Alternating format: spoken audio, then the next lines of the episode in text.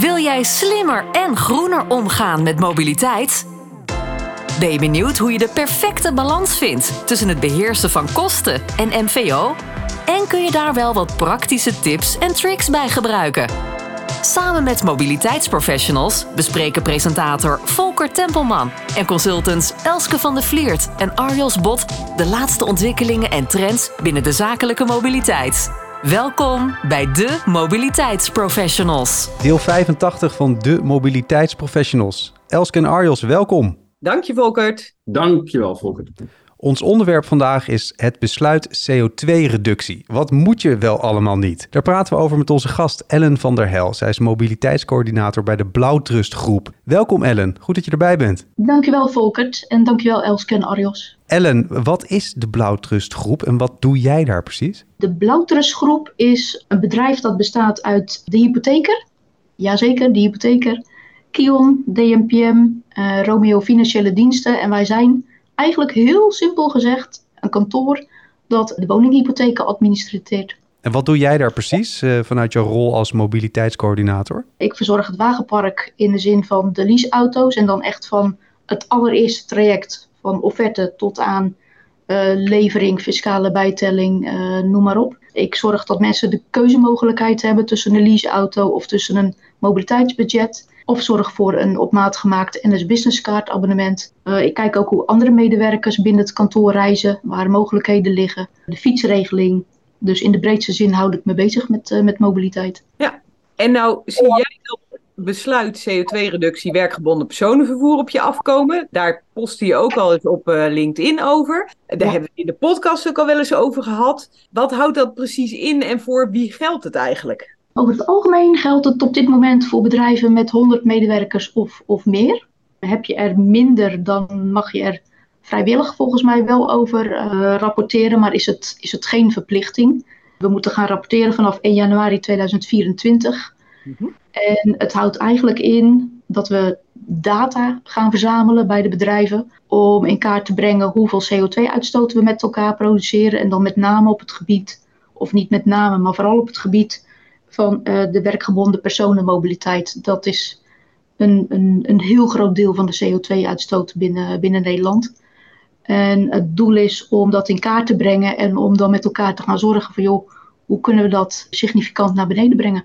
Welke stappen zetten jullie daarin of hebben jullie daar al ingezet? In 2020 heb ik al een, een aanzet gemaakt om uh, een app in het leven te roepen hier binnen de groep voor iedere medewerker. Maar dat was meer geënt om hem in te richten op de reiskostenvergoeding. Terwijl we daarmee bezig waren, zag ik natuurlijk de ontwikkeling op dit gebied van de CO2-reductie uh, mm-hmm. uh, en de rapportering. Alleen die werd natuurlijk een aantal keren uitgesteld. Ja. Mm-hmm. Dus het was een beetje onzeker van ja, gaat dat nu wel komen, gaat het er niet komen uh, en hoe gaat het komen? Maar die ontwikkeling van die app uh, en deze rapportage gingen ongeveer gelijk op.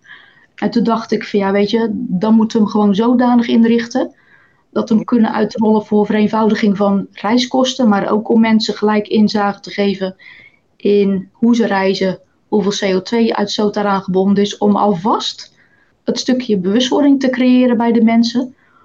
Um, en daarom zijn we daar op 1 januari van dit jaar al mee begonnen. Oké. Okay. Jullie houden het dus nu gewoon al bij hoe mensen reizen, met welke brandstof, qua auto en alles. En dan ben ik wel benieuwd, hoe vinden de collega's dat? Vinden ze het een hoop werk? Is het makkelijk?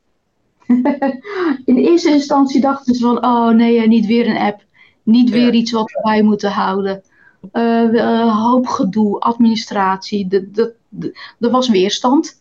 Mm-hmm. Uh, en, en, dat snap ik, hè, want we ja. zitten allemaal in drukke banen, er is al genoeg om bij te houden. En op het moment dat we gingen uitrollen, um, waarbij mensen ook de keuze hebben van joh, je kan het op je laptop doen, maar ook eenvoudig met een app op je telefoon. Het is echt letterlijk twee tellen werk en het staat gewoon ingevuld. Um, dus het scheelt mensen heel veel tijd. Maar ook dat ze echt zien van, oké, jeetje, dus als ik met de auto kom, iedere keer, dan ben ik op deze manier ben ik vervuilend bezig. Terwijl als ik de fiets pak, dan heeft het dit effect. Het, letterlijk, inzichtelijk, uh, de effecten van hoe je reist. En dat je daar zelf invloed op kan uitoefenen. Uh, die, die bewustwording, die zagen we heel snel ontstaan. Ja, want die app die geeft ook de CO2-uitstoot terug aan de gebruiker? Ja, het is, een, het is een gemiddelde. Er staat niet in met welke auto dat je precies reist. Ook niet van welk jaartal die is. Uh, dan heb je te maken met uh, persoonsgegevens en AVG. Dat, Ja. dat, dan moet je uit de buurt blijven. Ehm, dus het is een gemiddelde wat wordt genomen. Maar dat geeft wel een inzicht van...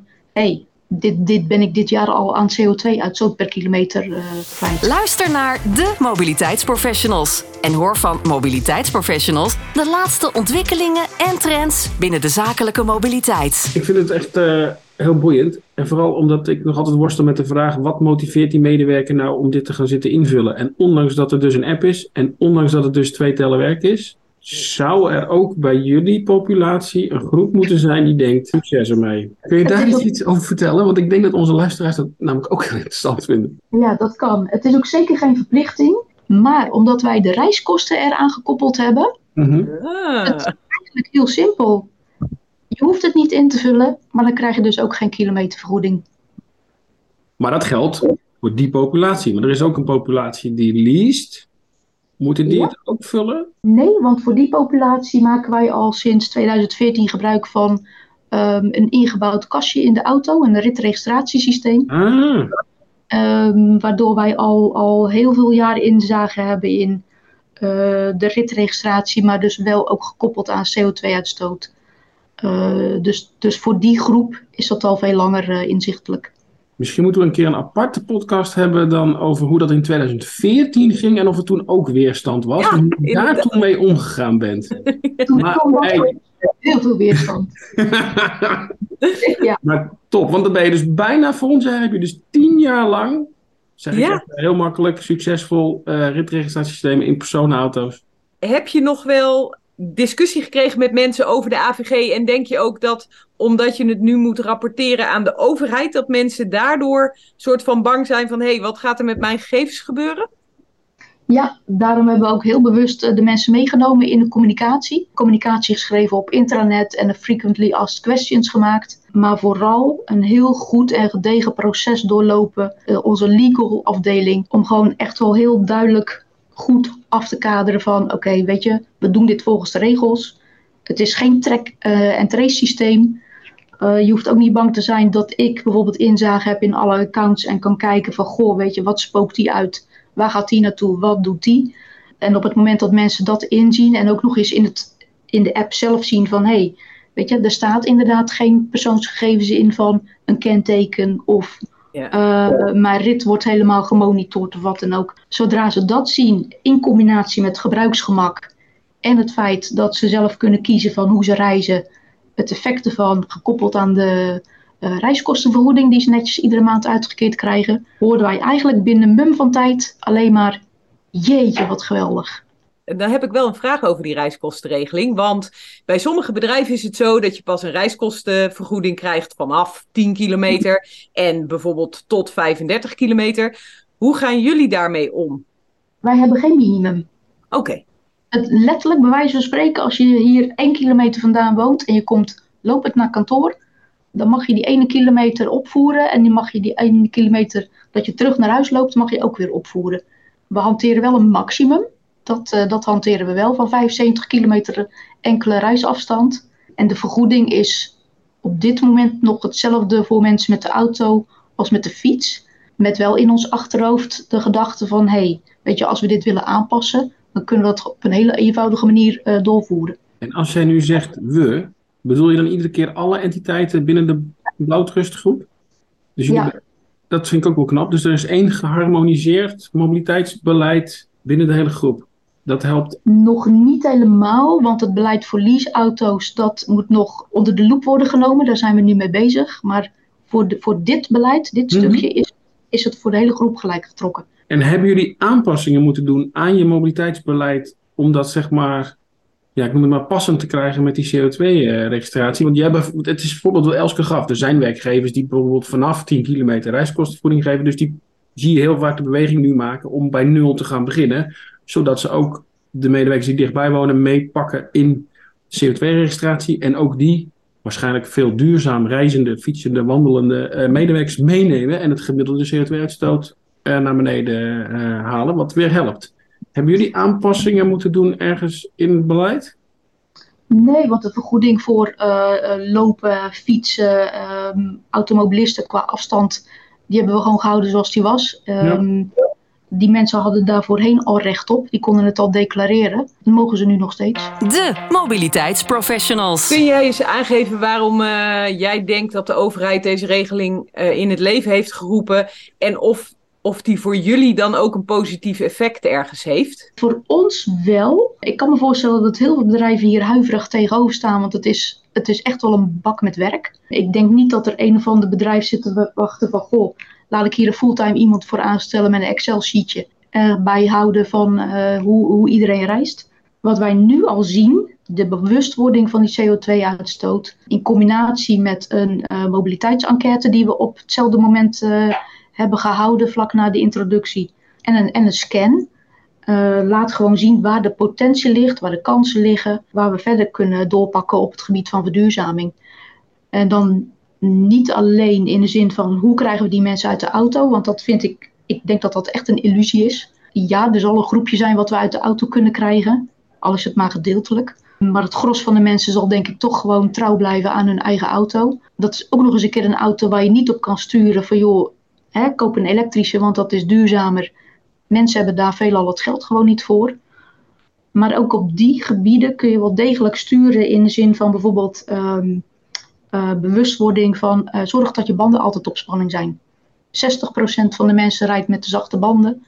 Dus ook die groep stoot dan nog eens keer onnodig veel CO2 uit. Dus wij zijn aan het kijken om hier een uh, slimme bandenpomp neer te zetten. Oh ja. En op, op dat vlak ook die groep dan daarin mee te nemen. En wordt die slimme bandenpomp dan ook weer toegankelijk voor de mensen die op. Uh, uh, ja, jullie zijn gevestigd op Fascinatio, er zit ook een woonwijk bij. En uh, of dus ook voor de mensen in de woonwijk, die ja. gaat die ook gebruikt mogen worden. Net als, en dat is misschien wel leuk om te vertellen, jullie laadpalen af en toe, toch? Ja, ja dat klopt. S'avonds dan, of s'avonds, ik geloof vanaf een uur of vier s middags gaat de slagboom open van ons parkeerterrein. Um, en dan is het vrij toegankelijk ook voor de bewoners hier aan de overkant van de wijk. Uh, of voor hun bezoekers, voor hun visite bijvoorbeeld, om hun auto uh, bij ons op te laden. En s ochtends om 7 uur gaat de slagboom weer dicht. Dus dan is het wel handig als ze dan voor die tijd de auto weer hebben verzet. Maar ze kunnen hem in principe dan de hele avond en heel de nacht opladen. Vind je het nou eigenlijk een goed idee dat de overheid deze regeling in het leven heeft geroepen? Ja, al denk ik wel dat de eerste periode die heel vrijblijvend is en die ook gewoon collectief wordt opgepakt. Ik heb daar, ik hoop het niet, maar ik heb daar wel mijn vraagtekens bij of dat voldoende gaat zijn om die uh, CO2-reductie van, ik geloof dat het, wat, wat is het, 1 megaton? Anderhalve Die- megaton. Ja. Of anderhalve megaton die ze willen besparen. Uh, of, of we dat met elkaar op vrijwillige basis uh, voor elkaar gaan krijgen. Nou ja, in 2026 is het belangrijke jaar waarin er geëvalueerd gaat worden. Ja. Ehm, en afhankelijk van wat daaruit komt, wordt het of eh, verplicht en verder aangescherpt. Of eh, ja. tonen we zeg maar als BV Nederland, noem ik het dan maar, voldoende progressie. Maar ja, dat, dat durf ik ook echt niet te voorspellen hoor. Want lang Nee. niet iedere werkgever zit er, eh, laten we zeg maar, net zo in als jullie. En dat bedoel ik als een compliment naar jullie toe. Eh, er zijn er ook die proberen te kijken hoe ze met zo min mogelijk inspanning misschien wel zo min mogelijk resultaat kunnen boeken. Maar ja, het is dat- wisselend. Dat klopt. En dan zie je ook nog eens een keertje de tendens ontstaan dat steeds meer bedrijven hun personeel terugroept naar kantoor. Ja, Eh, dus dat, dat, dat, dat hele mooie van hybride werken, dat, eh, dat zien we ook eigenlijk een beetje teruglopen. Wat echt ontzettend jammer is. Want het is gewoon heel goed mogelijk. Ehm, dus ja, ik, ik, eh, ik, ik denk uiteindelijk dat het toch wel noodzakelijk zal worden dat er dwingende maatregelen worden opgelegd. Wil jij slimmer en groener omgaan met mobiliteit? Luister dan naar de mobiliteitsprofessionals en ontdek de laatste ontwikkelingen en trends binnen de zakelijke mobiliteit. kun je nog een paar tips geven aan onze luisteraars die hier ook met deze hè, materie nu geconfronteerd worden en denken van nou, waar zou ik beginnen of hoe zou ik dit eens gaan doen? Heb jij misschien eh één of twee dat je- dingen dat je zegt van nou, Het is hele gevoelige materie. mhm, Mensen zijn gewend aan een bepaalde manier van reizen. Eh, kom ook vooral niet aan hun auto. Ja. Het zijn onderwerpen die eigenlijk allemaal te maken hebben met gedragsverandering. Zeker. Ehm, als je daarmee bezig bent, dan heb je echt gewoon een lange adem nodig. Ja. Ehm, en dan heb ik het echt over, over jaren. En soms moet je echt blijven trekken aan bepaalde projecten om het voor elkaar te krijgen. Ja. Ehm, dus blijven praten, blijven communiceren, mensen daarin meenemen. Ehm, en dan bedoel ik niet alleen de directie, maar gewoon ook de, de, de mensen op de werkvloer. Dus Mhm. gewoon het, het hele bedrijf. Zoek kennis op bij andere bedrijven, deel het met elkaar. Kijk waar je de samenwerking aan kan gaan. Een tip, als je als bedrijf nog niet bent begonnen met de voorbereidingen op administratief gebied voor deze regeling, dan zou ik zeggen van, dan moet je heel, heel, heel hard opschieten. Wil je dat- nog gereed hebben op, eh, op 1 januari? Dat, daar zit denk ik voor heel veel bedrijven nog een uitdaging. Want ik denk dat lang niet iedereen zich realiseert eh, hoeveel werk dat dit eh, gaat opleveren. En als ik dan nog een laatste tip mag geven. Als je echt concreet aan de slag wil gaan met verduurzaming en je weet niet waar je moet beginnen, probeer het dan eerst in kaart te brengen. En daar kan Zuid-Holland bereikbaar heel goed bij helpen. Met een, met een enquête en met een mobiliteitsscan. Want dan weet je van oké, waar, waar ligt de behoefte, waar liggen de kansen? En daarop aanvullend, eh, Zuid-Holland Bereikbaar is een eh, eh, samenwerkingsorganisatie van overheden. En het ministerie heeft Zuid-Holland Bereikbaar, maar ook andere samenwerkingsverbanden, die bijvoorbeeld in Utrecht er zijn, of rondom Amsterdam er zijn, of rondom Maastricht er zijn, gevraagd om organisaties dus te helpen met dit besluit. Dus de overheid helpt ook wel echt om uiteindelijk dit besluit uit te rollen. Ja. Vroeg ik me nog één ding af, Ellen. Ik weet niet of je daar inzicht in kan geven. Je vertelde aan het begin dat jullie eh, kiezen voor een app om te registreren. Eh, kun je vertellen of je meerdere apps hebt overwogen en zo ja, welke en welke het is geworden? Nou, wij werken voor de leaseauto's sinds 2014 al samen met Mobility Concept. En omdat dat eigenlijk gewoon tot, tot, tot hele grote tevredenheid ging, was onze eerste ingeving van nou, hè, dan rollen we dat concept uit voor het hele bedrijf. Tuurlijk hebben we gekeken naar andere partijen, want dat, dat is sowieso goed om te doen. De Ja. ontwikkelingen daarin staan natuurlijk ook niet stil. Maar we kwamen er wel al vrij snel achter dat je moet niet alleen kijken naar prijs, want dan zijn er altijd partijen die daaronder gaan zitten. Uh, maar het totaalplaatje. En dan kwamen we toch wel gelijk weer uit bij uh, Mobility Concept. Tot zover. Dit was deel 85 van de Mobiliteitsprofessionals. Te gast was Ellen van der Hel, mobiliteitscoördinator bij de Blauwtrust Groep. Ellen, dankjewel. Ja, graag gedaan. Ontzettend leuk. We blijven graag met jullie luisteraars in contact. Laat van je horen, bijvoorbeeld op LinkedIn. Je kan ons gewoon taggen in je bericht. Ellen, vind je het ook leuk om uh, vragen te horen van de mensen die naar de podcast luisteren? Kunnen ze jou dan ook uh, bereiken ergens?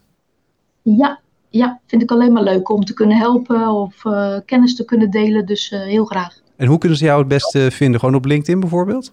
Op LinkedIn ben ik, ja, ben ik goed te vinden, ja. Oké, okay, duidelijk. Nou, Elske, waar ben jij ook weer te bereiken voor de, voor de mensen die luisteren? Ja, ik ben ook te bereiken op LinkedIn natuurlijk en via de mail van de Vliert zero-e.nl. En daar hoor ik ook heel graag. Heb je nog goede ideeën voor gasten? Heb je nog goede ideeën voor onderwerpen? Waar wil jij nou meer over horen? Tot slot, Arjos, waar ben jij te bereiken? Ik ben te bereiken op LinkedIn onder mijn eigen naam, arjos.bot. Ah nee, arjosbot. En uh, via e-mail op arjos.bot.arval.nl. Perfect. Iedereen bedankt voor het luisteren. Je kan de podcast van de Mobiliteitsprofessionals terugvinden op onze website. Dat is demobiliteitsprofessionals.nl en natuurlijk in je eigen favoriete podcast-app. Bedankt voor het luisteren naar de Mobiliteitsprofessionals. Volgende keer zijn we er weer met een andere gast en nog meer relevante ontwikkelingen en tips rondom zakelijke mobiliteit. Tot dan.